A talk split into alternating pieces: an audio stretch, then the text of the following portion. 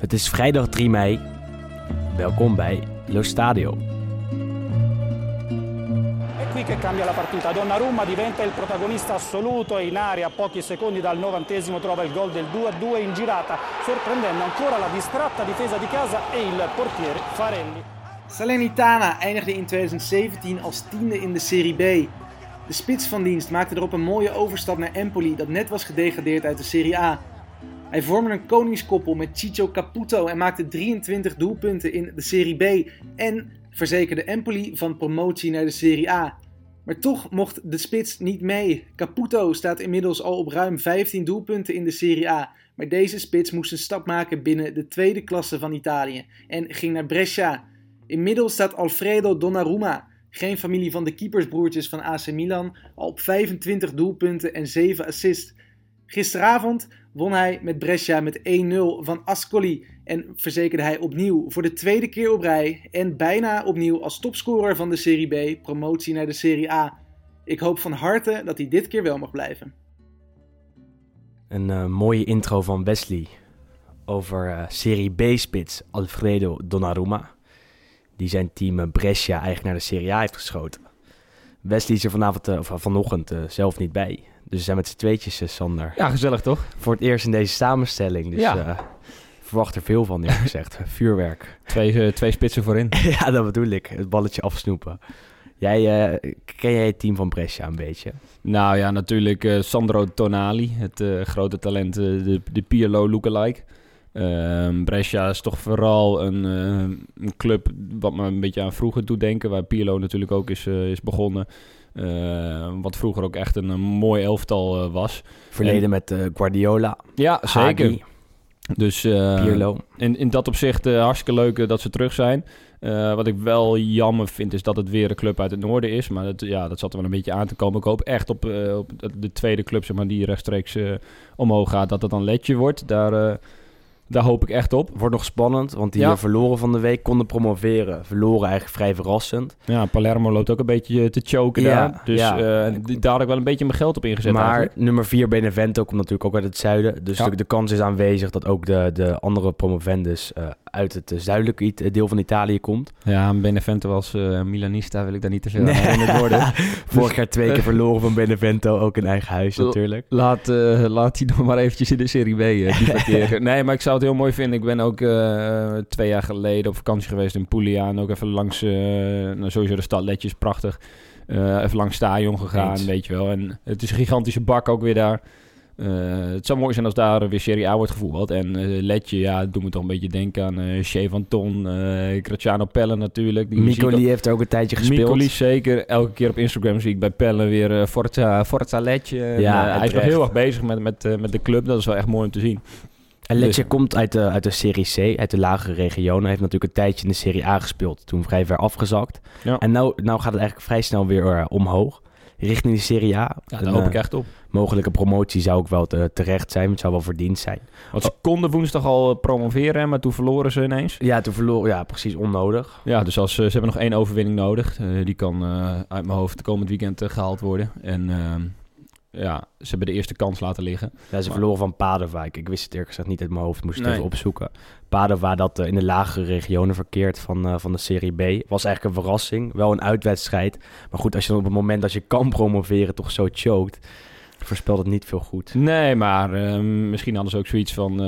eh, weet je, voor het eigen publiek is nog veel mooier. Laatste kans tegen Spezia. Ja, eh, weekend. Dat zou echt, eh, echt wel mooi zijn. Laten we daarop hopen. Maar wat betreft Brescia, leuk dat ze terug zijn. En ja, je krijgt weer een paar leuke derbies bovenin.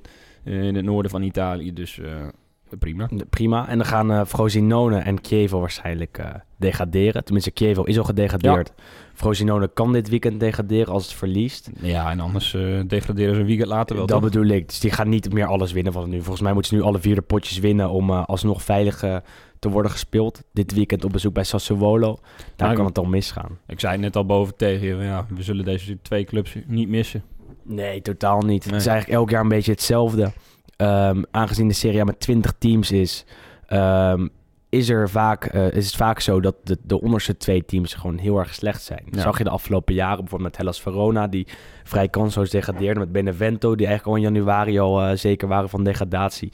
En ook dit jaar zie je dat nou ja, met Chievo, die natuurlijk een puntenstraf hebben gehad, maar ook met Frosinone. Dat ze er totaal niet aan te pas komen. En dat is ook een, een van de redenen waarom ehm, veel eh, kenners, veel Italiaanse kenners zeggen dat de Serie A terug moet naar 18 teams. Zodat je toch weer die spanning hebt. Eh, niet alleen onderin, maar ook voor de teams daarboven. Want nu zie je dat een ploeg als Sassuolo en misschien ook Sampdoria eigenlijk al, al weken zijn uitgespeeld. Omdat het niet naar beneden kan, maar Ja. ook niet naar boven kan. Nou op zich deel ik die mening wel. Dat het goed zou zijn voor de Serie A om terug te gaan naar eh, 18 teams. Eh, want wat je zegt, eh, die twee slechtste, dan, die, die heb je niet meer. Eh, en dat is wel echt de ondergrens hoor. Een niveautje Chievo, uh, Frosinone. Daar, daaronder, het is onder de onder, ja, ondergrens, ik. verder onder. En ehm, kijk, nu staat Empoli 18e. Die, zou dan misschien normaal gedegradeerd eh, zijn. Vanuitgaande dat er met Mhm. 18 clubs verder gaan. Nou, Empoli is helemaal niet slecht. Weet je wel. Nee, Die, en dan eh, heb je dan het niveau, het gemiddelde niveau van de competitie gaat omhoog. Als jij Frosinone en Chievo niet meer in de competitie hebt. Ja, dus eh, ik denk, ik ben er wel voorstander van. Gewoon naar 18, eh, 18 eh, teams. En nog even over die 18e plaats. Eh Empoli Ja. staat er nu met 29 punten uit 34. Eh vier puntjes achter Udinese. Ja, Ja, het is zonde. We, we hebben het vaak ook al hier benoemd, denk ik. Vaak erover gehad welk team wij het liefst zouden zien degraderen. ja, die staan inmiddels 13. Tenminste, mijn, vol. mijn spal staat inmiddels 13. ja. Maar ehm, ja, Empoli zal er nog echt flink aan de bak moeten. Maar Udinese is ook zeker nog niet veilig. En Genoa eh, eigenlijk ook niet. Het punt is dat het speelschema van Empoli vrij zwaar is. Eh, dit weekend zondag thuis tegen Fiorentina. Nou, nou is Fiorentina niet super goed, maar dat zullen ze moeten winnen. Want een week later bezoek bij Sampdoria. Thuis nog tegen Torino, dat nog volgende strijd is om de Champions League tickets. Daar gaan we het zo nog eventjes over hebben.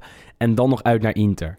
Ga er Ja. maar aan staan. Ja, dus eigenlijk zou je zeggen... ze moeten uit de komende twee wedstrijden zes punten halen... om eh, in ieder geval nog te hopen. En om te hopen dat, dat, dat Udinese dan eigenlijk niks meer pakt. Eh, want Udinese is gewoon een betere ploeg, denk ik toch wel, dan, dan Empoli. Eh, traditioneel natuurlijk in de Serie A toch wel wat aardige spelers. Niet een super team, maar eh, Fofana en Lasagna en eh De Paal lopen er allemaal bij Empoli niet rond. Maar heb je daar wel tot talentvolle spelers, zoals gezegd. Ik heb zo snel even het schema van Udinese opgezocht. Dus, nou, dat wist je natuurlijk dat het morgen Inter is. Ja, En dan Frosinone uit. Nou, Frosinone is al gedegradeerd. Tegen die tijd Als gaan we even wel. Eh thuis Spal uit Cagliari. Dus ja, Udinese gaan nog wel puntjes pakken. en dan ben je klaar als, eh, als Empoli. En dan zoek ik voor de zekerheid nog heel eventjes Genoa op. Ja, precies. Want Genoa staat, op, eh, staat 16e met 35 punten. Dit weekend moet Genoa tegen Roma thuis. Nou ja, dat is in principe een duel dat ze gaan verliezen. Roma in vorm. Genoa totaal niet. Dat is namelijk sinds de komst van eh, Prandelli als trainer enorm misgegaan. Werd Ja. afgelopen weekend bijna ontslagen. Veel eh, kritiek is er op hem. Ook vanuit, eh, vanuit het bestuur. Uiteindelijk besloot Genoa hem niet te ontslaan. Mag hij het seizoen afmaken. Maar ja, het lijkt wel, vrij- wel, wel zeker dat ook Prandelli na dit seizoen gaat vertrekken. Ja, ze scoren heel moeilijk. Hè? We hebben wel eens over Kouame gehad, eh, wat wel echt een talentvolle speler is. Maar ze hebben niet dat scorend vermogen. En daar lijkt het vooral een beetje... Zeker, want Sorry, San, San. Sanabria is gekomen als vervanger van Piontek. Piontek die naar Milan vertrok natuurlijk in de winter tot, tot dan eigenlijk aan de lopende band scoorde. Eh Sanabria begon goed bij Genoa, daarna eigenlijk niks meer gepresteerd. Eh, en dan zie je dat, dat als je je eh, beste speler eh, verkoopt in de winter, dat het gewoon eigen garantie is voor, eh, voor een aantal nederlagen. Ook omdat de Romulo, is ook een, eh, een back van de Genoa, vertrok ook in de winter bij, eh, bij de Rosso Blue. Ging naar Lazio. En dat was ook een enorm belangrijke speler die ook wel een aantal kansen creëerde per wedstrijd, daar op die rechterflank. Dus ja, eh, Genoa komt er uiteindelijk mee weg. Maar het is zonde dat, dat zo'n eh, directeur Preziosi, die eigenlijk alleen maar eh, een club heeft om geld te verdienen, Ja. er telkens mee weg blijft komen door zijn beste spelers te verkopen. En dan net op het randje toch misschien 16e, 17e te worden, omdat die clubs daaronder gewoon niet goed genoeg zijn. Ik heb even gekeken. Genoa, nou, wat je zei, thuis tegen Roma. Uit Atalanta. Thuis Cagliari. Uit Fiorentina. Ja, Maar dan moeten zij wel bijna alles verliezen. Nee, Empoli gaat gewoon... alles Empoli verliezen. gaat 18e worden. Empoli Dat, gaat eh, 18e worden. En, en dan eh, is er uitverkopen bij, eh, bij Empoli. Ja. Uh, aangezien Benacer een goede middenvelder is. Traoré gaat dan naar Fiorentina. Um, Krunic is ook een centrale middenvelder die echt heel goed presteert dit jaar. En dan vind ik het toch jammer dat Empoli daarnaast niet zo heel veel heeft rondlopen. Caputo? Caputo misschien een transfertje maken. Kevin Dix loopt ook nog rond, zullen we wel eens vergeten. Eh, kwam in de, zo, in de winterperiode van Fiorentina, werd gehuurd, wordt gehuurd. Hij heeft nog ge- geen minuut gemaakt. Nee, en ook komend seizoen loopt hij daar nog rond. Dus misschien zien we Kevin Dix volgend seizoen wel in de Serie B. En heeft hij dan wel een basisplek. Want zijn concurrente, Di Lorenzo, eh, werd al een keer opgeroepen voor een trainingsstage bij, eh bij de Azzurri, bij het Italiaanse nationale elftal. En ook hij zou gaan vertrekken. En nou, het is eigenlijk bizar, want als je nu gaat kijken naar al die spelers van Empoli... en, en ik ze zo opnoem, dan denk je, hoe kunnen ze, kunnen ze zo degraderen? Hoe, hoe kan het dat ze zoveel redelijk goede spelers hebben die in de subtop mee zouden kunnen... en dan toch eh, gaan afdalen naar het tweede niveau? Ja, maar het, het zijn nou ook weer geen toppers, zeg maar. Het zijn Mm. talentvolle jongens. En misschien zit het daar eh, juist... Kijk, Caputo, die, eh, die, Ja. die staat zijn mannetje. Heeft er inmiddels 15 gemaakt. Maar voor de rest zijn het de spelers die je noemt relatief jong. En daar kan natuurlijk ook wel in dat opzicht de, de valkuil in zitten. Ze hebben natuurlijk ook een trainerswissel gehad. Want Andrea Solli, die was in het begin werd hij ontslagen. Andere trainer die het in Ja. het begin wel eventjes goed deed. Jacchini volgens mij. Ja, Beppe Jacchini, de- met En- de pet, standaard met de pet. op. Precies. En dat ging in het begin wel goed. Maar ja, laatst ook niet meer. Nou, oude trainer weer terug. Dat verhaal kennen we inmiddels. Typisch, typisch Italiaans degradatieverhaal. Waar de trainer telkens terug wordt gehaald als er iets misgaat. Eh, dan weer wordt ontslagen en dan weer wordt teruggehaald. Wat Ja. we altijd bij Palermo hebben gezien. Eh, wat we ook bij Empoli eh, zien. En ook bij, bij Genoa kunnen gaan zien. Waar eh, Ballardini misschien dus terug, eh, terug was gekomen. Terug gaat komen. En dat Ja. gaat Empoli gewoon de, de kop kosten uiteindelijk. Maar ik ben wel benieuwd, zeg maar, eh, de ploegen die er weer voor terugkomen, zoals Brescia of eh, laten we hopen dan Letje, of die volgend jaar ook weer gewoon rustig op plekje 19 en 20 staan, of dat die wel wat meer mee kunnen doen. Nou, ten eerste zijn het natuurlijk geen Carpi en, en Frosinone. eh, die ook een aantal... Carpi speelde drie, vier jaar geleden in de, in de Serie A. Degradeerde ook echt kansloos. Ja, En eigenlijk bij Carpi begon de hele discussie Ja. over de, volgens mij, een eh, voorzitter van Napoli. Carlo- Ja, en, en Carlo Tavecchio, de, de, de, de, de president van de Italiaanse voetbalbond, die, die zei, zei het zelf. we moeten hier vanaf. Ja, het, het kan niet zo zijn dat zulke soort teams zonder traditie, zonder enige ervaring in de Serie A blijven promoveren. Want je zult zien dat het seizoen erop eh, er totaal geen spanning meer onderin is. Dat die teams gewoon direct degraderen. Dat zag je toen Frosinone en Carpi volgens mij uit het hoofd degradeerden allebei direct. Ehm, en dat zie je nu telkens weer. Frosinone kwam omhoog, Empoli kwam omhoog, degraderen weer direct. Volgend jaar zul je zien dat één van Lecce, één van, eh, van Brescia eh, en misschien wel twee, misschien wel de derde ook nog, dat die ook gelijk eh, afdalen naar tweede niveau. En dat is wel een serieus probleem. Ja, en ja, dat is inderdaad een probleem. En Brescia is in dat opzicht eh, eh, misschien weer net iets groter, Ja. iets beter georganiseerd dan, eh, dan de clubs die we zojuist hadden genoemd. Iets meer traditie in de Serie A. Ja. En, en Lecce heeft dat natuurlijk ook wel. Uh, alleen is de vraag of, of het voor Lecce niet te snel komt. Of zij eh, het wel aankunnen om weer in de Serie A te gaan spelen. Wat betreft salarishuis, wat, wat betreft eh, eh, spelers, wat betreft eigenlijk alles. Eh, het, het vullen van het stadion bijvoorbeeld. Eh, we gaan het zien. Maar laten we ook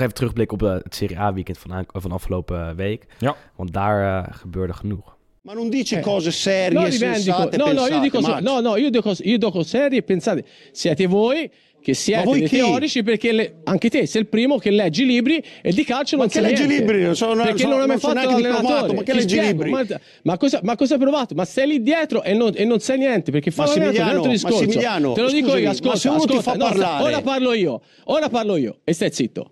No, aspetta un attimo. Perché no, no, parli no, con un allenatore che ha vinto 6 scudetti. Ma e stai zitto, lo dice tuo fratello. Ora eh, parlo, scusami, ora parlo io. Mi stavate esprimendo alla grande io. senza eh, che sia una cosa. Scusami, era no, teorico. Allora ripartiamo allora, con le teorie del basket. Se vuoi ripartiamo con le teorie del basket. Facciamo un passo indietro. Parliamo con le teorie del basket. Come mai LeBron James non è andato ai playoff? Ora parlo visto che grandi giocatori vincono le partite. Come l'anno scorso, No, No, Lele, Lele. Eh, scusami. Ja, een eh, vrij hevige ruzie tussen Lele Adani en eh, Massimo Allegri, de Juventus-trainer. Eh, Inter en eh, Juve speelden 1-1 gelijk. Eh, Juve deed de eerste helft eigenlijk helemaal niets. Werd een beetje weggespeeld. Inter had drie, vier keer kunnen scoren. Tweede helft kwam Juve terug, werd het 1-1.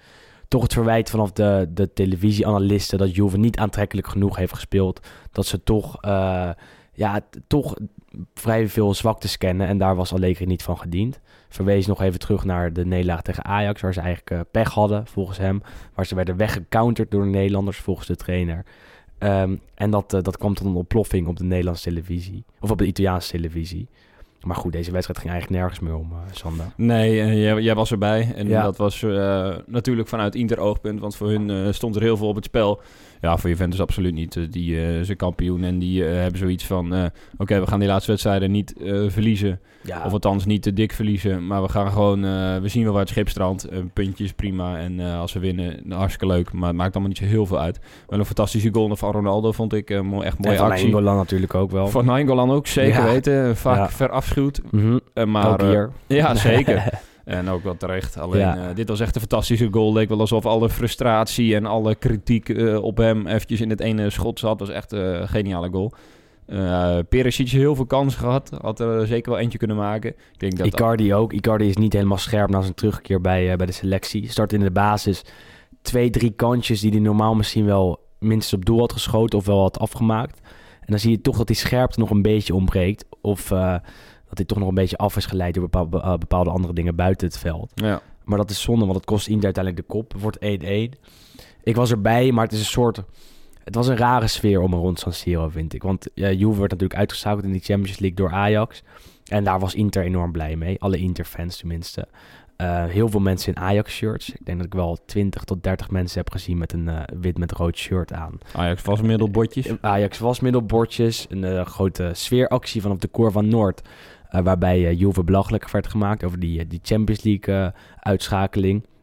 En toch komt komt bij mij dan een beetje het idee. ehm, en ik begrijp de, de rivaliteit wel. ehm, maar bij mij een beetje het idee dat het een beetje Calimero gedrag is. Je eh, ziet dat Juve nu acht keer achter elkaar kampioen wordt. Je bent jaloers op Juve, want hè, ze zijn de beste nou eenmaal in Italië. Ja. Waar ga je dan waar ga je ze op pakken? Nou ja, dat moet wel de Champions League zijn. Ja, en als Ju- Juventus zijn, dan zou ik niet heel erg in de war raken van, van zo'n sfeeractie. Nee. Want ja, weet je, je houdt je acht titels eh, omhoog op rij en dan eh, is, is het weer stil, weet je wel. Was Alleen, eh, gez- gezang over en weer, inderdaad. Inter deed het over die Champions League. Juve, jullie worden nooit meer kampioen. Nou ja, wie heeft dan het meeste gelijk? Nou, ik denk dat Juventini daar boven in het Ja. uitvak. Nou ja, en, ja, aan de ene kant zeg ik van... ehm, het is wel heel geinig, zeg maar. In Nederland zouden we dit nooit zien. Dat je eh, op die manier, zeg maar, eh, de tegenstander... Omdat het inderdaad een Nederlandse gedachte is van... Weet je, kijk eens maar eens naar jezelf. Heb je zelf een keer iets gewonnen, dan mag je pas eh, praatjes hebben. Ja, Maar in Italië ja, is dat echt wel iets anders in die zin dat een tegenstander zo gigantisch gehaat kan worden. Wat nog gewoon belangrijker eigenlijk is dan de, je eigen prestaties. ja, en die haat is daar echt gigantisch. Ja, die is gigantisch. Ook wederzijds trouwens. Maar ehm, ja, ik ben ook wel iets meer van, oké, je, je kan babbels hebben als je zelf hebt gewonnen, weet je wel. Nu komt het een beetje uit de lucht vallen en is het voor één weekendje misschien wel leuk. Dat je denkt van, ah, het is wel geinig om even de, daar de draak mee te steken. Maar uiteindelijk zou je toch ook zelf een keer wat moeten presteren, weet je wel. Het is schijnig om er even de draak mee te steken. Maar eh, bij Inter is er een bepaald nummer. eh, dat is eh, op de melodie van L'amour toujours van Gigi D'Agostino. Een, een hit van nou, Mhm. begin 2000. En dat nummer werd gewoon vijf tot zes keer gedraaid. Twee keer voor de wedstrijd, eh, drie keer in de rust. Eh deed het gezongen door de supporters. En dat, dat, dat, eh, de tekst daarvan is... Juve, waarom win je, win je de Champions League nooit meer? Dus ja, Ik, het, is, too prima, maar het is too much. Het was, het, ik, ik, kreeg er een beetje gevoel bij van... jongens, Inter heeft alles om voor te spelen. Ze Ja. staan nu derde, maar ze kunnen nog vijfde worden. Ze kunnen nog niet, zeker, zijn nog niet zeker van die Champions League kwalificatie. Kijk eerst eventjes een beetje naar jezelf. Probeer die wedstrijd eh, te winnen. Ook met de, de, de supporters dat ze even steunen... in plaats van alleen maar zich focussen op Juventus. En eh, nou, ik was erbij en, en ik dacht, ja... eh, ja, waar zit je dan naar te kijken, weet je wel? Anti-Juventus tegen Juve of, of, of Inter tegen Juve? Ja, vind ik wel goed. Ja. Ik, ik zou het stelvoller hebben gevonden als ze gewoon een spandoek hadden gemaakt van, van 2010. Eh, de- weet je wel, de Champions League omhoog. Ja, ja, ja, Of, of een, weet je, dat je Milito uitbeeldt of noem maar op. Iets, iets in die trant. En voor de rest al, de- al dat gedoe met Ajax, zeg maar, met dat shirtjes en wasmiddel en zo, dat vind ik eigenlijk een beetje te overdreven. Als je gewoon stelvol 2010 ergens prominent aan neerzet, prima, weet je wel. Weet ook Mhm, iedereen mhm. van, hey, kijk, we hebben de laatste keer eh, de Champions League eh, gewonnen. En dat zijn wij de laatste Italiaanse ploeg die de treble pakte. De laatste Italiaanse ploeg die in Eu- Europa succes heeft geboekt. Precies. En dat voor- is niet Juventus. En voor de rest gewoon je eigen club steunen. En dat zou ik eh, iets leuker nog hebben gevonden. Eh al is het nooit verkeerd om even de draak te steken met Juventus. natuurlijk. Nee, en ik vond het ook wel mooi om die Ajax-shirtjes te zien. Hoor. Dus daar niet van. Eh, nog even over die kritiek van die televisieanalisten. Eh Daniele Adani dus, die zei dat Juventus dit seizoen niet aantrekkelijk genoeg heeft gespeeld. Ben je het daarmee eens? Ja, zeker. Eh, hangt ook deels van je spelers af. Eh, zeg maar, Stug met, een, middenveld. met een heel stug middenveld inderdaad. Met Chan, eh Matuidi en... ehm, Pjanic. Ja, ja, Pjanic, dat vind ik nog wel... Of die- Kedira. Of, ja, als je Kedira er ook nog bij hebt, dan wordt het wel echt een breed middenveld Mhm. inderdaad. Dus het, het is heel af- afhankelijk van je spelers. En Allegri is gewoon iemand van een strakke regime. Ehm, ja, dat, dat zie je ook een Mandzukic. Kijk, in voetbal, de voetballende trainer zal altijd voor die ballen kiezen. Dus eh die ballen. Ronaldo, Douglas Costa. Als je drie, die drie voorin zet, ja, dan gaat het wel hoor. En hetzelfde met het middenveld. Als je daar uh, Pjanic en je had nog echt, echt een creatieve middenvelder erbij. Maar ja, hij kiest toch vaker voor een Betancourt of een eh Kedira of noem maar op. Echt Italiaanse trainer wat dat betreft. Ja. Dus zei ook op een persconferentie. Kijk, het maakt niet uit dat Juve met 100 of 102 punten kampioen wordt. Al worden ze met 68 punten kampioen. Het gaat erom dat je, dat je neus, weet je wel, net voor de, eh, op de streep net voor de, de nummer 2 is, weet je wel. Ja, Ehm, het gaat hem niet om aantrekkelijk voetbal. Het gaat hem niet om eh, veel doelpunten of om een show weg te geven. Nee, het gaat om die overwinningen. En dat boekt hij wel. Dus wat Ja. dat betreft is de, de, de gedachtegang van Allegri natuurlijk juist. Want Juventus is een team dat altijd kampioen moet worden. Maar ja, als je acht keer kampioen wordt, dan wil je dat negende eh, kampioenschap wordt behaald op een manier waarvan je denkt, zo, nou zit ik weer elke wedstrijd te kijken naar een supergoed team dat voetballend perfect is. Ja, maar ja, Eh, wordt hij dan tweede, dan, dan zijn de rapen gaar. exact. Dan wordt je Dus- ontslagen. je- je- eh, de, eh, het is altijd moeilijk, want de fans willen natuurlijk aantrekkelijk voetbal zien. Kijk, ik, trainer wil kampioen worden. iedere trainer, en ik word er altijd vaak op aangepakt door collega's van ja, je bent anti-voetbal en je Mhm. houdt niet van voetbal, bla bla bla. En ehm, kijk, het allermooiste is zoals, zoals Barcelona spelen of zoals Ajax nu, zeg maar, dat je ehm, goed voetbal kan combineren met resultaten. Alleen dat is incidenteel. Dat gebeurt eens in de, in de zoveel tijd. Of je moet echt, echt heel goed zijn. En Juventus is Europees gezien niet zo goed dat je met en heel goed kan voetballen Mhm. en resultaten halen. Dus doen ze het op een andere manier door ook eh, heel tactisch te spelen. Eh, waardoor ze elke keer het maximale resultaat halen. En dat is natuurlijk wel lastig. Weet je wel, Spurs, die spelen altijd leuk. Ja, en die- die worden nooit kampioen. Die worden nooit kampioen. eh, gaan er waarschijnlijk in de halve finale uit. En ze kunnen zelfs nog eh, de Champions League mislopen. Mhm. Weet je wel. Ja, dat Ja. risico wil je ook niet lopen. Nee, dat is zo. Maar ik denk dat- hetzelfde. Ik denk, ik denk dat ehm, dat krachtsverschil in de Premier League veel dichter bij elkaar ligt. In, in Italië is het op dit moment zo dat Juve zoveel beter Mhm. dan nummer 2, dan Napoli. Zoveel beter dan nummer 3, Inter of weet ik veel wat wie dat wordt. Dat eh, de fans op een gegeven moment wel kunnen gaan eisen. En ik vind dat ook dat analytici dat, dat juist hebben.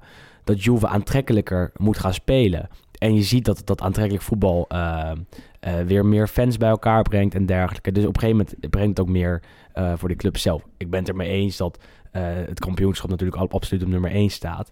Ehm, maar Ja, je ik mag kan me voorstellen dat het wel, dat het wel eh, de, de- ook de manier met aantrekkelijk voetbal is een manier waarop Juve kampioen zou moeten kunnen worden. Je mag inmiddels ook wat meer verwachten. Ja, zeker exact. naar eh, die acht titels. Maar ik denk dat je dat met Allegri niet gaat eh, bewerkstelligen. Nee. Daarvoor zou je een andere trainer nodig En ik las hier en daar eh, Guardiola. Ja, dat is natuurlijk... eh, dat zou het aller, allerbeste zijn. Dat is totaal buiten de Italiaanse mentaliteit. Dat is aantrekkelijk Ja. voetbal. En dat is als je 1-0 voor staat niet eh, gaan hangen. Dat is als je 1-0 voor staat gewoon doorgaan naar die 2-0, naar die 3-0, naar die 4-0. Wat Juve best zou kunnen, maar dat ze dit seizoen echt, echt nul keer hebben laten zien. En dat is natuurlijk ook de kritiek van die, eh, van die analisten. Maar zoals Napoli ook, weet je wel. Die krijgen zo gigantisch veel complimenten terecht. Ehm, maar ze hebben nog niks gewonnen. Nee, De oké, maar dat. Napoli was natuurlijk onder Sarri fantastisch. Ook met aanvallend voetbal, ze wonnen niks. Dit seizoen hebben ze niks eh, bij, bij, eh, bij Napoli. Eh, Angelotti laat het elftal wel redelijk voetballen, maar niet super. Het is echt veel minder aantrekkelijk dan voorheen. Uh, Sarismo is verleden tijd. En ondertussen worden ze wel tweede, ehm, maar niet echt overtuigend. En dat, dat is eh, tot woede van de fans. Afgelopen weekend speelde Napoli bij Frosinone, werd 0-2. Prachtige vrije trap van, eh van Mertens onder andere. Zeker, Younes. Ja. Younes, goede goal. Goede actie. Na afloop van de wedstrijd gooit rechts voor Callejon gooit zijn eh, truitje, zijn shirt het publiek in. Dat shirt wordt teruggegooid naar hem. Want de supporters zijn boos. Zij willen dat eh, Napoli een, echt een project heeft. Dat ze leuker voetbal spelen. En dat ze eh, echt eh, een keer worden beloond voor hun steun. Op dit moment zijn de tickets bij Napoli erg duur. Ja, die kaarten voor de Koeren waren verdubbeld. hè? Ja, en het stadion is nooit vol. En er is veel ontevredenheid over hoe de Laurentiis, de eigenaar, de president, dat, eh, dat allemaal leidt daar. En ook over hoe Ancelotti het team eh, aanstuurt. Want Napoli gaat dit seizoen eigenlijk overal naschrijven. Uitgezakt in de kwartfinale van de Coppa Italia. Worden wel tweede, maar geen serieuze kampioensrace met Juve gehad. En ook in de Europa League gingen ze in de kwartfinale uit tegen Arsenal. Wat dat betreft, we hebben het hier al wel eens besproken, is het een mislukt seizoen voor Napoli, vind ik. Ehm, ja, als je tweede wordt, weet ik niet of je als Napoli zijn dat zo hard kan zeggen. Nee, daar ben ik het mee eens. Maar ze, gaan, maar ze gaan natuurlijk, ja, ze, ze gaan niks winnen. En dat is eigenlijk het probleem van de laatste jaren. En onder Sarri werd je eh, verwend qua voetbal, dus dan, dan trok je dat allemaal wel. Al vier jaar zonder prijs. Wel Ja. vier jaar achter elkaar gekwalificeerd voor de Champions League. Dus dan moet je kijken wat, of het glas half vol is. Of ja, maar leeg. ook in de Champions League gaan ze er echt bijna altijd, gaan ze dan, worden ze weer derde in die, in ja, groepsfase. Oké, maar Dus- dit jaar is dat natuurlijk wel eh, eh, met, met Liverpool en PSG in de poolfase. Ja, en ze hebben ook een keer een record aantal punten gehaald. Toen hadden ze er volgens mij 12 en dan gingen ze er alsnog uit. Dus het is ook wel pech heel, natuurlijk. ja, het is zeker pech. Ehm, ja, ik blijf dat een lastige eh, tweespalt vinden. Enerzijds wil je resultaat en anderzijds wil je leuk voetballen. En wat is belangrijker? En voor mij in principe resultaat. Maar ja, de combinatie is het allermooist. Alleen dat, dat ga je zelden krijgen. En begrijp me niet verkeerd, want ik had vooraf, eh, voorafgaand aan het seizoen voorspelde ik dat Napoli vijfde zou worden. Nu worden ze tweede, dus wat dat betreft eh, zijn ze, hebben ze boven verwachting gepresteerd. Ook de Gazzetta en alle andere Italiaanse kranten zeiden Napoli stuk achteruit gaan, nieuwe trainer, eh, kan niet meer zo dicht bij Juventus komen. Nou, dat is natuurlijk waar. Zeker. Maar ehm, uiteindelijk dat ze zo soeverein en zo makkelijk tweede worden, Dat ze nog Ehm, zo ver is voor wel staan heel op knap. Inter, op Ja. Milan, op eh, al die clubs, op Roma, noem maar op. is ook te wijten aan het niveau van, van Inter en Roma en al die clubs. Alleen eh, Nap-. Napoli was al sinds januari, of misschien zelfs sinds december zeker van die tweede plek. Wat dat betreft prima. Alleen, ja, je hebt zo weinig, je hebt er zo weinig aan verder. Ze gaan wel de Champions League in, maar die fans hadden zo graag gezien dat eh, in een seizoen waarin je de hele tijd tussen de plek 1 en slep- eh, plek 3, dat je, eh, dat je een prijs pakt. Dat je even je vol focust op die Coppa Italia. Dat je in de Europa League niet kansloos ten onder gaat tegen Arsenal. Wat wel is gebeurd. Dus, en wat dat betreft kan ik ze begrijpen. En, en ehm, Nou, achteraf is- hadden zij toch vol voor de Europa League moeten gaan. klaar, ja, sowieso. En ehm, ben ik benieuwd wat er aankomende zomer gaat gebeuren. Of daar een leegloop gaat komen met Kou- Koulibaly die misschien vertrekt, Mertens die misschien vertrekt. En wat er dan voor terugkomt. Want qua transfermanagement gaat het daar wel altijd erg goed, vind ik. Nou ja, ook eh Younes, eh, die eh, Ja. laat nu ook opeens weer zien dat hij heel goed kan voetballen. Echt een dribbelaatje die wel past op de flanken bij, bij Napoli. Dus inderdaad, Fabian Ruiz hebben we gezien. Mhm. nou ja, Koulibaly is ooit gekomen. Dus ja, qua aankopen is. Milik is een topaankoop gebleken. Ja, zeker. Ook voor die 30 miljoen, wat, waar iedereen in Nederland dacht... Zo, eh, hoe, hoe kan Napoli ooit 30 miljoen of meer voor hem gaan betalen? Ja, maar als je dat eh, plaatst in de huidige transfermarkt, dan is die 30 miljoen eigenlijk een kopie. En hij scoort eh, aan de lopende band. Zeker. Wat echt prima is. Nog even naar die andere wedstrijd. Hoe pijnlijk het ook voor jou is. Ik was er al bang voor dat we het erover gingen hebben. Ja, sorry, ik kan het echt niet overslaan. Nee. Torino 2, Milan 0. Ja. Eh, Milan op dit moment op een eh, plek buiten de Champions League kwalificatieplekken. Voor het eh, eerst sinds Ja. eh, lange tijd. Staan zesde. Ehm, hoe pijnlijk is dat? Ja, heel pijnlijk natuurlijk, want eh, daarvoor is het hele project ooit bedacht. Om de Champions League te halen. We, zaten hier vorige week en toen zei ik al, dit wordt een hele lastige wedstrijd van Milan. Want Torino die gaat eh, volle bak, die gelooft er ook nog in in Champions League voetbal en sowieso in Europees voetbal. Milan zat in een mindere fase, zit nog steeds in een mindere fase. maar dan snap ik dus niet dat Gattuso ook nog eens gek gaat doen, weet je wel. Door in deze wedstrijd, die echt cruciaal is om de Piontek op de bank te zetten. Ja, dat snap ik ook en. Coutron in de spits, die eigenlijk al weken er niks eh, Al, van ma- maakt. al maanden niet eigenlijk. Al het hele seizoen niet. Nee, hij heeft, hij heeft een tijdje echt een goede periode gehad in het begin van het seizoen. En toen eh, viel eh, alles goed. Maar de laatste weken hij heeft hij altijd niet gescoord. Ja, maar Piontek ook niet. Nee, maar dus, ja, die scoort altijd. Want hij heeft, een, eh, wat, hij heeft een 19 of 20 gemaakt Mhm. eh, op de topscorerslijst. 21 zelfs. Nou, dus die, die moet je altijd het vertrouwen geven en altijd opstellen. Zeker in deze wedstrijd. Ja, en dan eh, hij die gek gaat doen. Nou ja, ik vo- vond de scheidsrechter ook een beetje gek gaan doen. Eh, Guida, Mhm. goede vriend trouwens. Ja. Ehm, en sowieso, het moment dat Milan een tegenslag heeft, dan verandert er iets in de mentaliteit. Dan is er helemaal geen plan meer te ontdekken. En dan Die, Romagnoli gaat gek doen. Die, die kreeg nu weer ro- rood zijn tweede geel voor een eh, cynisch applausje richting de scheidsrechter. Nou ja, Cassie die eh, die penalty weggeeft. Ja, of de penalty was, daar valt over te discussiëren. Maar je moet nooit die hand in de rug leggen op- bij een redelijk ongevaarlijke voorzet. Mhm. Ja, zo zijn er zoveel van die momenten. Er is, is gewoon geen tactiek, patroon te ontdekken van wat is nou het plan van Gattuso, wat is het plan van Maar Milan. ben je nog steeds, eh, sta je nog steeds vol achter Gattuso? Eh, dit seizoen vaak over gehad. Hij is echt eh, veel periodes heeft Gattuso onder druk gestaan. Ja. Op een gegeven moment natuurlijk wel op de derde plek gestaan. En sindsdien, dat is eigenlijk sinds de derby met Inter van, van maart, is het eigenlijk volledig misgegaan. Milan wint niet meer, Milan zakt.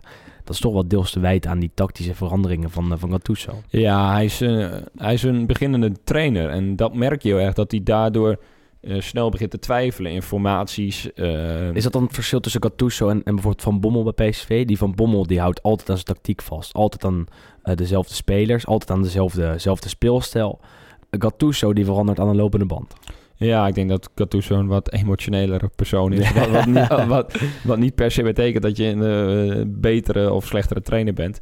Maar eh, ja, Van Bommel doet het wel beter door gewoon te zeggen... oké, dit is mijn kader en daar doe ik het mee. En een blok van vier, dat blijft bijna altijd hetzelfde.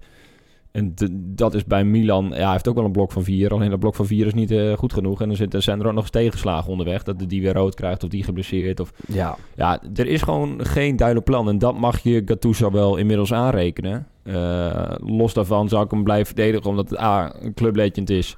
Eh, omdat ik ook niet overtuigd ben dat het met andere trainer heel veel beter gaat. Hoeveel hebben we er wel niet zien komen en, en wat voor trainer zou er dan komen? Dat is Daarom. ook nog even afwachten. Eh, hij heeft derde gestaan. Dus ik verwijt eigenlijk meer de selectie die het wel eh, grotendeels laat afweten. Nou ja, en, en de samenstelling van de selectie, denk ik. Leonardo is de, de man die daarover gaat sinds afgelopen zomer. Ja. En het klopt toch niet helemaal. Er zijn een aantal eh, spelers gekomen. uh, Bakayoko gehuurd, Piontek en dergelijke. Die presteren op zich wel. Maar de selectie is niet, staat er niet om voor die, vol voor die vierde of voor, de, vol voor die derde plek te kunnen gaan, denk ik. Ik denk als Milan een echt een goede middenvelder heeft, dat het probleem grotendeels is opgelost. En dat hebben we eigenlijk vanaf het begin al gezegd, dat er geen één middenvelder is die het spel kan maken. Je maar hebt dit probleem hebben heel veel Italiaanse teams. Ja, je hebt twee brekers, Bakayoko en eh Kessie. Dat is typisch Gattuso om die Ja. twee brekers samen op een middenveld te zetten. Maar daardoor heb je niemand die een mooie paas kan geven. Ja, Paqueta, maar die eh, staat vaker meer als tien en dan twee slopers erachter. Eh, ehm, Bilia. Bilia, ja, die, die vind ik sinds de transfer al niet echt overtuigend. We hebben het wel eens over Sensi gehad van Sassuolo. Dat is nou echt exact een speler. Die kan je bijna altijd inspelen. Die, en die verde- verdeelt daarna het spelletje. Weet je wel, je moet... Zijn ze geïnteresseerd in geweest? Ja, en als, als ze die... Want er is zelfs in januari was er nog sprake van. Als ze die hadden gehad, had ik er veel meer vertrouwen. Want daarmee kan je gaan voetballen. En nu is het alleen maar eh, breken en, eh, en tegenhouden. En heel af en toe hopen op individuele acties van een Suso of van een Piontek als die speelt. Uh, Oklu, dat is het ook net niet, Nee. weet je wel. Dus het, maar eh, ehm, kijk, we, hebben er een handje van om teams misschien iets te snel eh, af te schrijven in de Mhm. Champions League race. Want Milan moet nog thuis tegen Bologna, uit bij Fiorentina, thuis tegen Frosinone en uit naar Spal. Ja. In principe is geen enkel team in staat een serietje neer te zetten in die strijd om de vierde plek. Milan zou dat nu wel kunnen doen. Ik, eh, er is weinig hoop, er is weinig reden toe om, om dit te denken. Maar thuis tegen Bologna moet je kunnen winnen. Uit bij Fiorentina, waar het ook hommeles is, moet je ook kunnen winnen. Eh, thuis tegen Frosinone moet je winnen. als dus je ja, vier- drie, als drie je, overwinningen.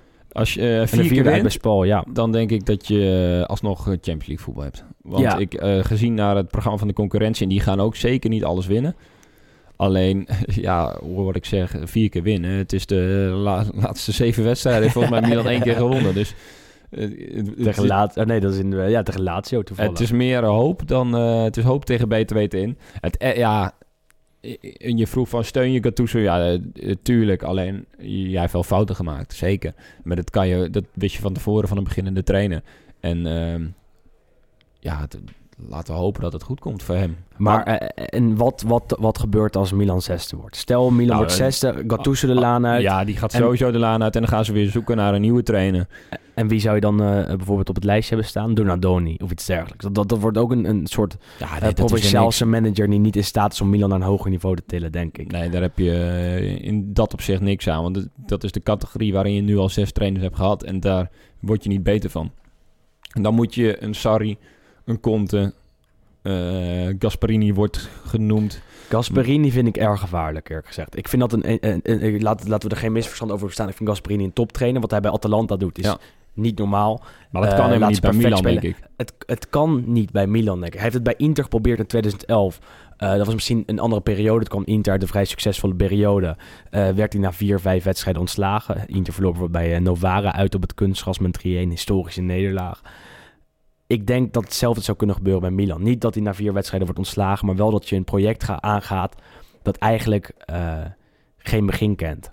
En dat eigenlijk eh, heel snel voorbij kan zijn. En eh, er is bij Atalanta totale rust. Ja. Toen daar een aantal wedstrijden werd verloren na zijn aanstelling, heeft de voorzitter gelijk gezegd: we gaan Gasperini niet ontslagen, we hebben een duidelijk plan. Stel Gasperini verliest zijn eerste vijf wedstrijden bij Milan volgend seizoen, Ja, dan aan. dan, dan ben je klaar. Ja, je moet, ehm, maar dat geldt voor meer clubs hoor. Dat geldt ook voor Roma, Inter. Als zij een nieuwe trainer willen, dan zou je dus een trainer moeten hebben die echt iets anders doet dan de rest. Dan Ja. de rest in Italië. Dus ehm, of een Sarri of Conte, zeg maar, die wel echt een bepaalde identiteit hebben. Want dat mis ik het meest aan Milan en eigenlijk ook aan Inter. En eigenlijk eh, naar Roma vind ik dat daar iets meer eh, patroon in zit van hoe ze willen spelen. Ja. Het komt er niet altijd uit, maar het is wel duidelijk 4-3-3, vleugelspel en met veel jonge spelers. Eh, dat plan weet je bij Milan niet. Eh, dus de ene week spelen ze met drie man achterin, dan weer 3-4-3. Dan weer drie, komt het eh, maandag tegen Bologna schijnt het weer 3-4-1-2 Mhm. te zijn. Dan spelen ze weer 4-3-3. Ja, kan ja. alle kanten op. Bij Inter zelfde verhaal met de voorzitter vanaf de flank. Oké, er is een duidelijk plan, maar dat plan is... eh, we gooien de bal van, vanaf rechts of vanaf links voor en dan zien we wel. Ja, dus als er dan een nieuwe trainer komt, dan moet het de trainer zijn die echt een duidelijke stempel heeft van zo wil die spelen. En dat weten we bij een Sarri, dat weten we bij een Conte. Dan zou je wel weer naar die 3-5-2 gaan. eh, met die wingbacks die maar blijven lopen. Eh, het kan ook, ja, bij je hebt voor- de spelers wel. Kijk, Laxalt heb je voor op links. Je hebt Calabria voor op rechts. Komt nog één centrale verdediger. heb je. Je hebt Rodriguez voor op links. Oké, Rodriguez ben ik persoonlijk totaal geen fan Ik ook niet hoor, helemaal niet. Ehm, en dan heb je centraal in de verdediging heb je Romagnoli, Musacchio en helaas Caldara, die er sinds gisteren weer zes Ja. maanden uit ligt. ja, Eh, maar dat, en Caldara is gewend om met drie verdedigers achterin te spelen. Ik denk dat dat oorspronkelijk het plan was van Gattuso. Eh, als je kijkt hoe zij de transferperiode hebben aangepakt afgelopen zomer, denk ik dat het plan was om met drie centrale verdedigers te spelen en twee aanvallende vleugelbacks. Dat plan is gelijk in, in het water gevallen doordat eh Caldara constant geblesseerd is. En wat dat betreft heb je wel pech als Milan. ja, trainer. maar dat, ja, dat, dat, er is absoluut pech. Want Caldara, dat was gewoon als eerste centrale verdediger naast Romagnoli gerekend. Moussakio stond eigenlijk derde in, die- in, in dat rijtje. Maar ik vind het ook wel te makkelijk om daaraan af te geven, weet je wel. Dan, ja, hij, hij, je bent ook trainer en dan moet je dus iets anders verzinnen. Verzin wat, ja. En, ehm, En, en als Gattuso blijkt er niet toe in staat. en hou er dan aan vast, weet je wel. Je kan ook, eh, kan Cassie niet eh, achterin staan als je per se 3-5-2 wil spelen. Ja, verzin iets, daarvoor ben je de trainer. Eh, maar ik zou het, eh, mocht Gattuso niet halen, ik zou ook heel erg voorstander van zijn om, wat ik zei, of een Sarri of een of een buitenlandse trainer met een duidelijke stempel. Ja, maar dat, dat, dat vind ik te gevaarlijk. Dat, dat zag je bij, eh, bij Frank de Boer. En dat is misschien wel een heel extreem voorbeeld. Frank de Boer Hmm. kwam natuurlijk na zijn Ajax-periode kwam je bij Inter terecht. En als buitenlandse trainer krijg je zoveel meer druk van de, van de pers, van de media, van buitenaf dan als eh, Italiaan. Frank de Boer kon nog geen Italiaans. Die wilde ook een duidelijk plan bij Inter sluiten. Duidelijk met 4 eh, 4-3-3 spelers ervoor gehaald. Ehm, zou ook een project aangaan.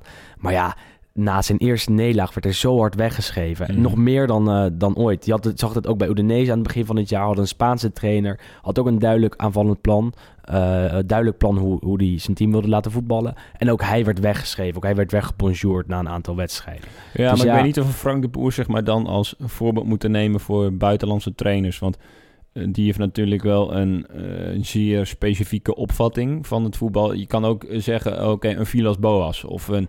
eh, nou Van ja, Italiaans. eh, verleden bij Inter als assistent-trainer van Mourinho. ja, en daar, Vilas Boas, die heeft echt een goede kijk op voetbal. Eh, staat ook wat anders in het leven dan de gemiddelde trainer. Volgens mij nu doet hij mee aan een of andere Dakar-rally. Ja. Eh, Ja. Hij heeft er wel het no- nodige meegemaakt. Hij werd echt gezien destijds als eh, eigenlijk de natuurlijke opvolger van Mourinho als trainer zijnde. Nou ja, daar zou ik echt een heel groot voorstander van zijn. Ja. Eh, Rodje Smit, geen idee waar die eh, rondloopt. Volgens mij ook in eh, China tegenwoordig. Ja, die, die kan nog geen Italiaans, maar En, en zo'n trainer die in ieder geval een duidelijk plan heeft. Ja, ja ik, ik, ik, ik blijf dat enorm gevaarlijk vinden. Maar eh, wat ook Nou, laat ik het gevaarlijk zo is... zeggen, met de afgelopen zes keer heeft hij met een Italiaan die een verleden heeft bij Milan, of die geen verleden Werkt het heeft, ook niet. Heeft, werkt het ook nee, niet. en, Dus- en dat zijn jongen, maar eh, ik, ik weet het niet. Want kijk, het is ook gevaarlijk om zulke soort eh, ideeën die out of the box komen, ook al nu al af te schrijven. Weet je wat, dat is een buitenlander. Dat doen we niet. Mhm. En dat doet Milan eigenlijk toch ook wel. Ja, maar Ehm, er is wel iets veranderd. Want ehm, ze hebben nu natuurlijk Gassidis van, Ja, van van, Arsenal. Arsenal. En als ik de berichten in de Italiaanse media een beetje mag geloven... heeft hij wel een, duidelijke, duidelijker visie dan er was. Ja, Het zou me ook niks verbazen als, een uh, Wenger uit de ogen Ik wilde net zeggen, zou je daar uh, tevreden mee zijn? ja, ik ben absoluut Want geen fan van ja, Wenger. dat is toch ook uh, een garantie voor het niet winnen van prijzen, voor het niet behalen van je doelstellingen. Ja, absoluut. met alle respect voor Wenger natuurlijk, die ja, bij Arsenal wel een tijd fantastisch heeft gedaan. Ja, daar, en daar erg ik me altijd zo aan bij Wenger van altijd complimenten over het voetbal, weet je wel, maar never nooit iets winnen. Dat is waar we net Alleen over hebben gehad. Milan inderdaad. die wint nu ook niks. En het voetbal is ook nog niet in te gluren. dus dan zou je misschien uh, voor lief moeten nemen dat je dan in ieder geval nog leuk voetbalt. Met een duidelijk plan. Ja, het zou maar zo kunnen hoor. Dat die uh, komende zomer Gassides Wenger nog uh, een keertje opbelt. En zegt van... misschien is het... Ja, misschien is het al lang beklonken. Ja, dan zijn de rapen toch wel gaar. Dan heb je Wenger voor de groep staan. Ja. Is ook weinig vernieuwend of weinig... Dat is ook weer grijpen naar een bekende naam. Uh, ja. En dan kijken wat er gebeurt. Hetzelfde wat er eigenlijk... Het, het gebeurt andersom met die, spe, met die spelers uh, die tien jaar geleden bij Milan hebben gespeeld... die nu allemaal trainer zijn geweest. Zijn allemaal op naam een beetje aangezet. Seedorf, ja, Inzaghi, Gattuso misschien ook het wel een puur beetje. om, uh, om de steun van het publiek te krijgen. Zou je nu hetzelfde doen met Wenger, Wenger, weet je wel? Die heeft een grote naam, dus laten we het proberen. Niet op basis van zijn, uh, zijn prijswinnende kwaliteiten. Misschien bellen ze ten nacht. Allora, Livorno-Crotone 10, Bari Modena 11. Tesoro, è 1-0, 1-1. Scusi. Yeah. Livorno-Crotone 1-0, Bari Modena 1-1.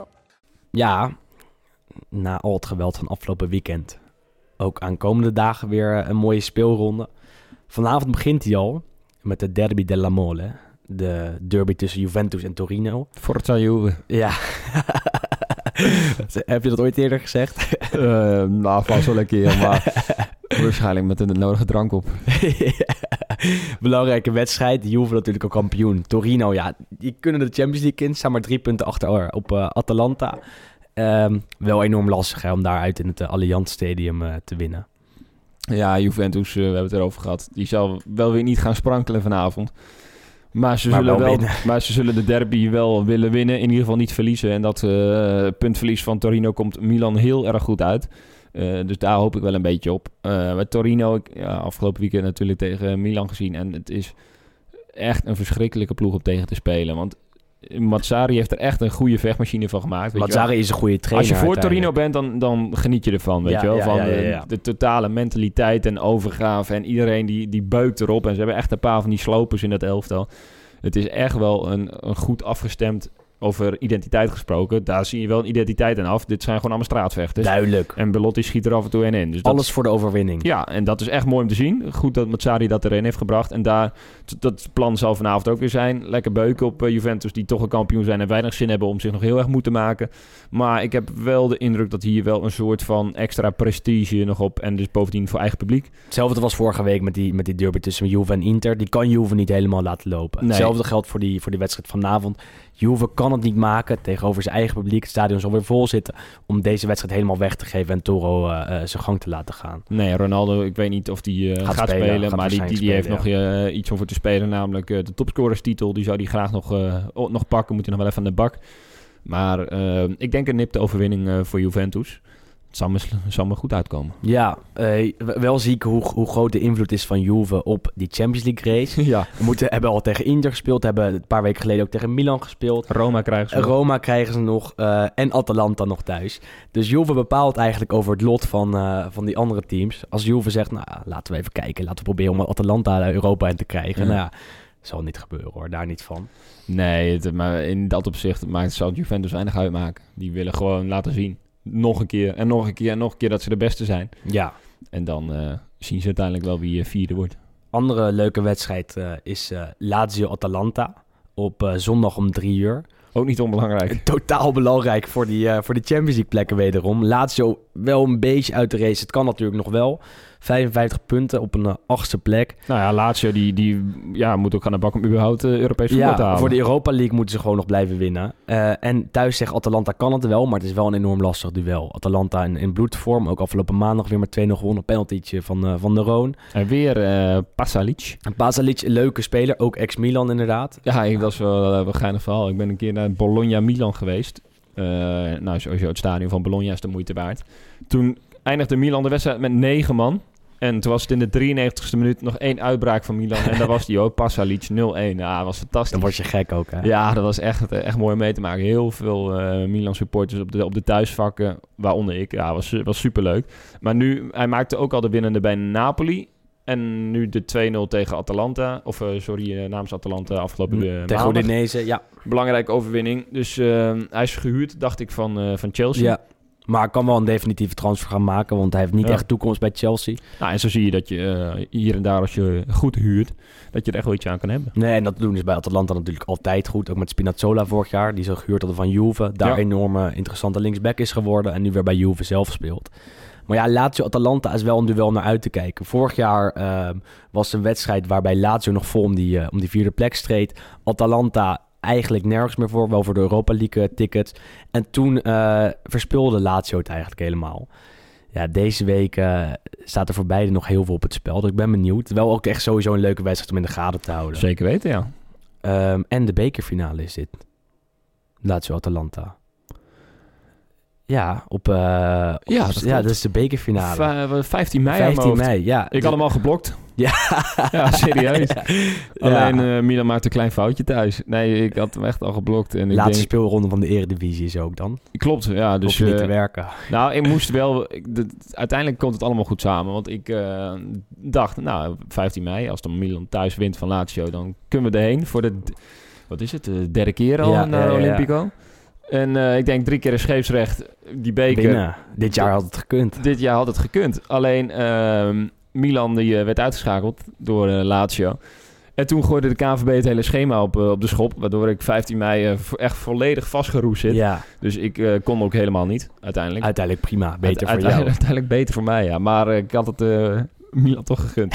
Maar ja, mooie eh, generale in dat opzicht. Sowieso. En ik ben heel benieuwd hoe dit afgelopen Daar kan Lazio natuurlijk wel winnen.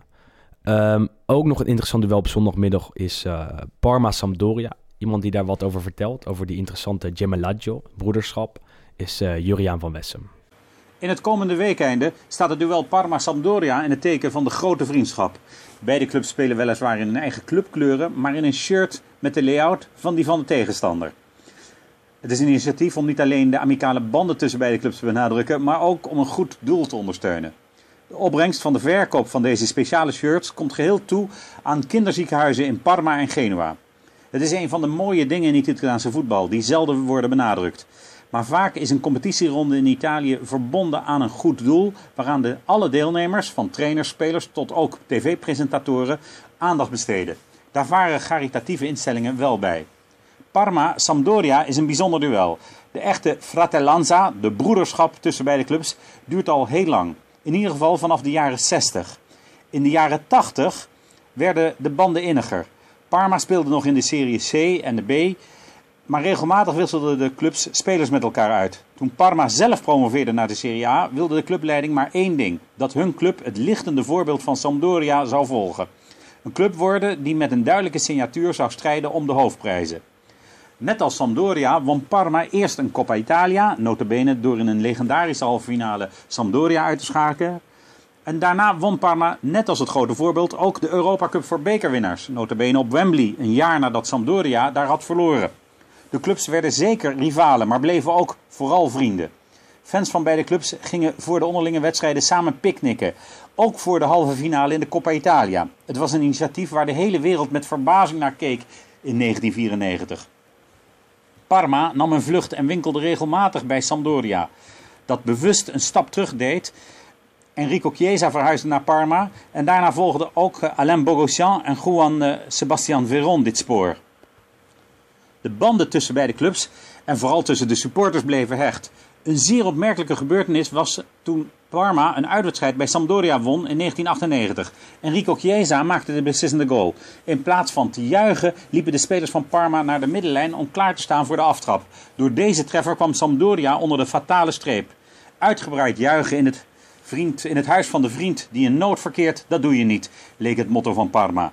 Toen Parma vier seizoenen geleden werd teruggezet naar de amateurs, ontrolde de Gradinada Soet van Marassi een spandoek met de tekst: Sterkte vrienden van Parma, wees gerust. We zullen op jullie wachten tot jullie weer thuis zijn.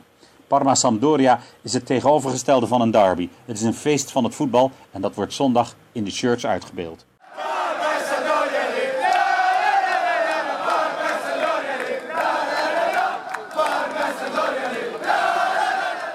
Eigenlijk een eh, vreemde ontmoeting. Parma-Sampdoria. Parma speelt namelijk in het shirt van Sampdoria, wel met de eigen clubkleuren. En Sampdoria in het shirt van Parma, maar dan ook met de eigen clubkleuren. Ja, zijn wel vaker van dat soort een beetje vage shirtwisselacties, ja, hè? ja, ja, ja, ja, zeker. Maar dit, dit heb ik eigenlijk nog nooit gezien. Nee, maar het is wel eh, vaak dat, dat er dan weer een, een speciaal shirt uit de kast wordt getrokken. Of dat ze weer eh, spelen met, eh, weet ik veel, Chinese rugnummers. Ja, ja, of ze verzinnen altijd wel wat in Italië. Alles voor het goede doel. Of ze komen met boeken het veld op. ja. Of met panettone.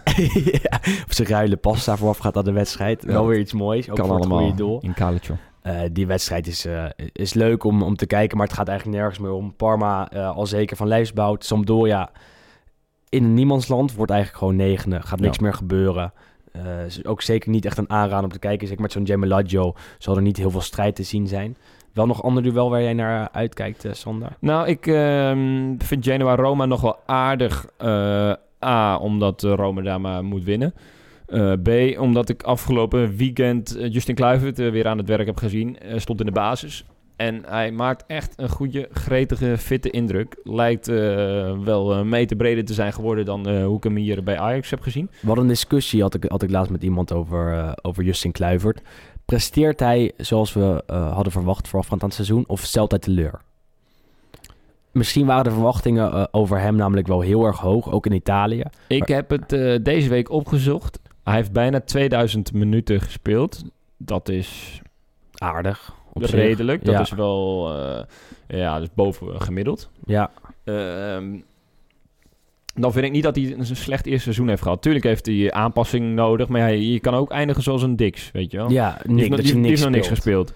Ehm, En het, het is, wat- het is wat- ook geen Hatenboer of Dijks, maar Nee. het is ook een grotere club met een eh, grotere aanpassing. En meer concurrentie op zijn posities. Meer concurrentie. Maar ik denk, eh, als ik hem er, ik zag hem afgelopen weekend dan, ik zag hem echt flitsen. eh assistje, volgens mij zelfs twee. Eh scoorde hij nou nog? Nee, volgens mij niet. Maar eh, Nee, nee, scoorde niet. hoe dan ook, hij speelde echt goed, maakte een goede indruk. eh, sterk in de duels. En die linksback Pellegrini, dat is helemaal geen koekenbakker. Mhm. Sorry. Dat is helemaal geen Ook koekenbakker. verhuurd door Roma aan, aan Cagliari inderdaad. Die speelde die echt helemaal dol. Dus eh, ja, het zag er op zich wel goed uit. Interessant ook in, om in de gaten te houden voor volgend seizoen. Want een Kluivert ja, is toch een beetje afgeschreven in, in januari. Niet, natuurlijk niet volledig, maar wel als bankzitter, als een Mhm. teleurstelling.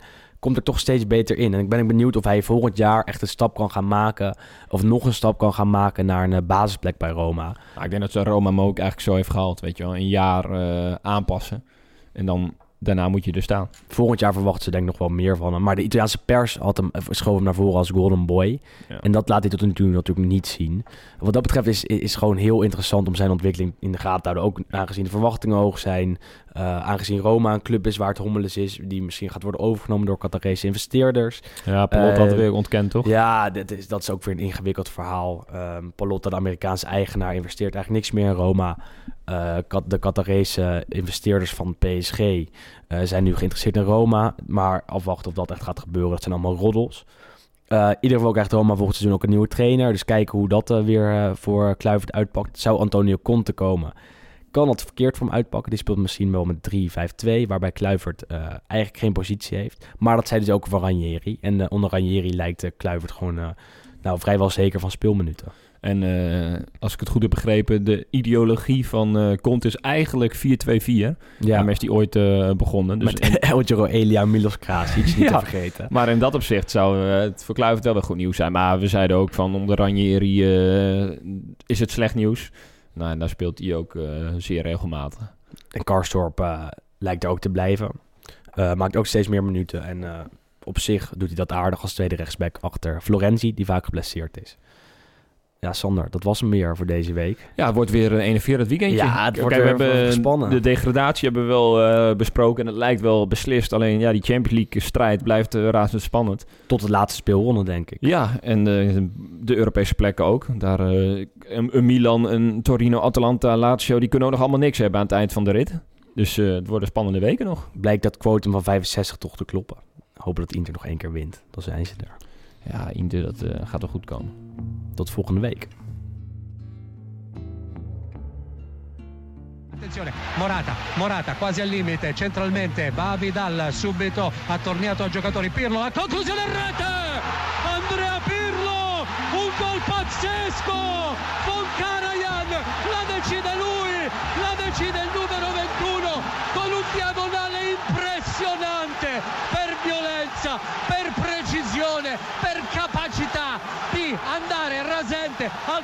di gioco e di beffare praticamente all'ultimo secondo Gilet Andrea Pirlo mattatore incredibile di questa partita. All'ultimo respiro la Juventus rischia e lo diciamo ovviamente tra mille virgolette di far su il derby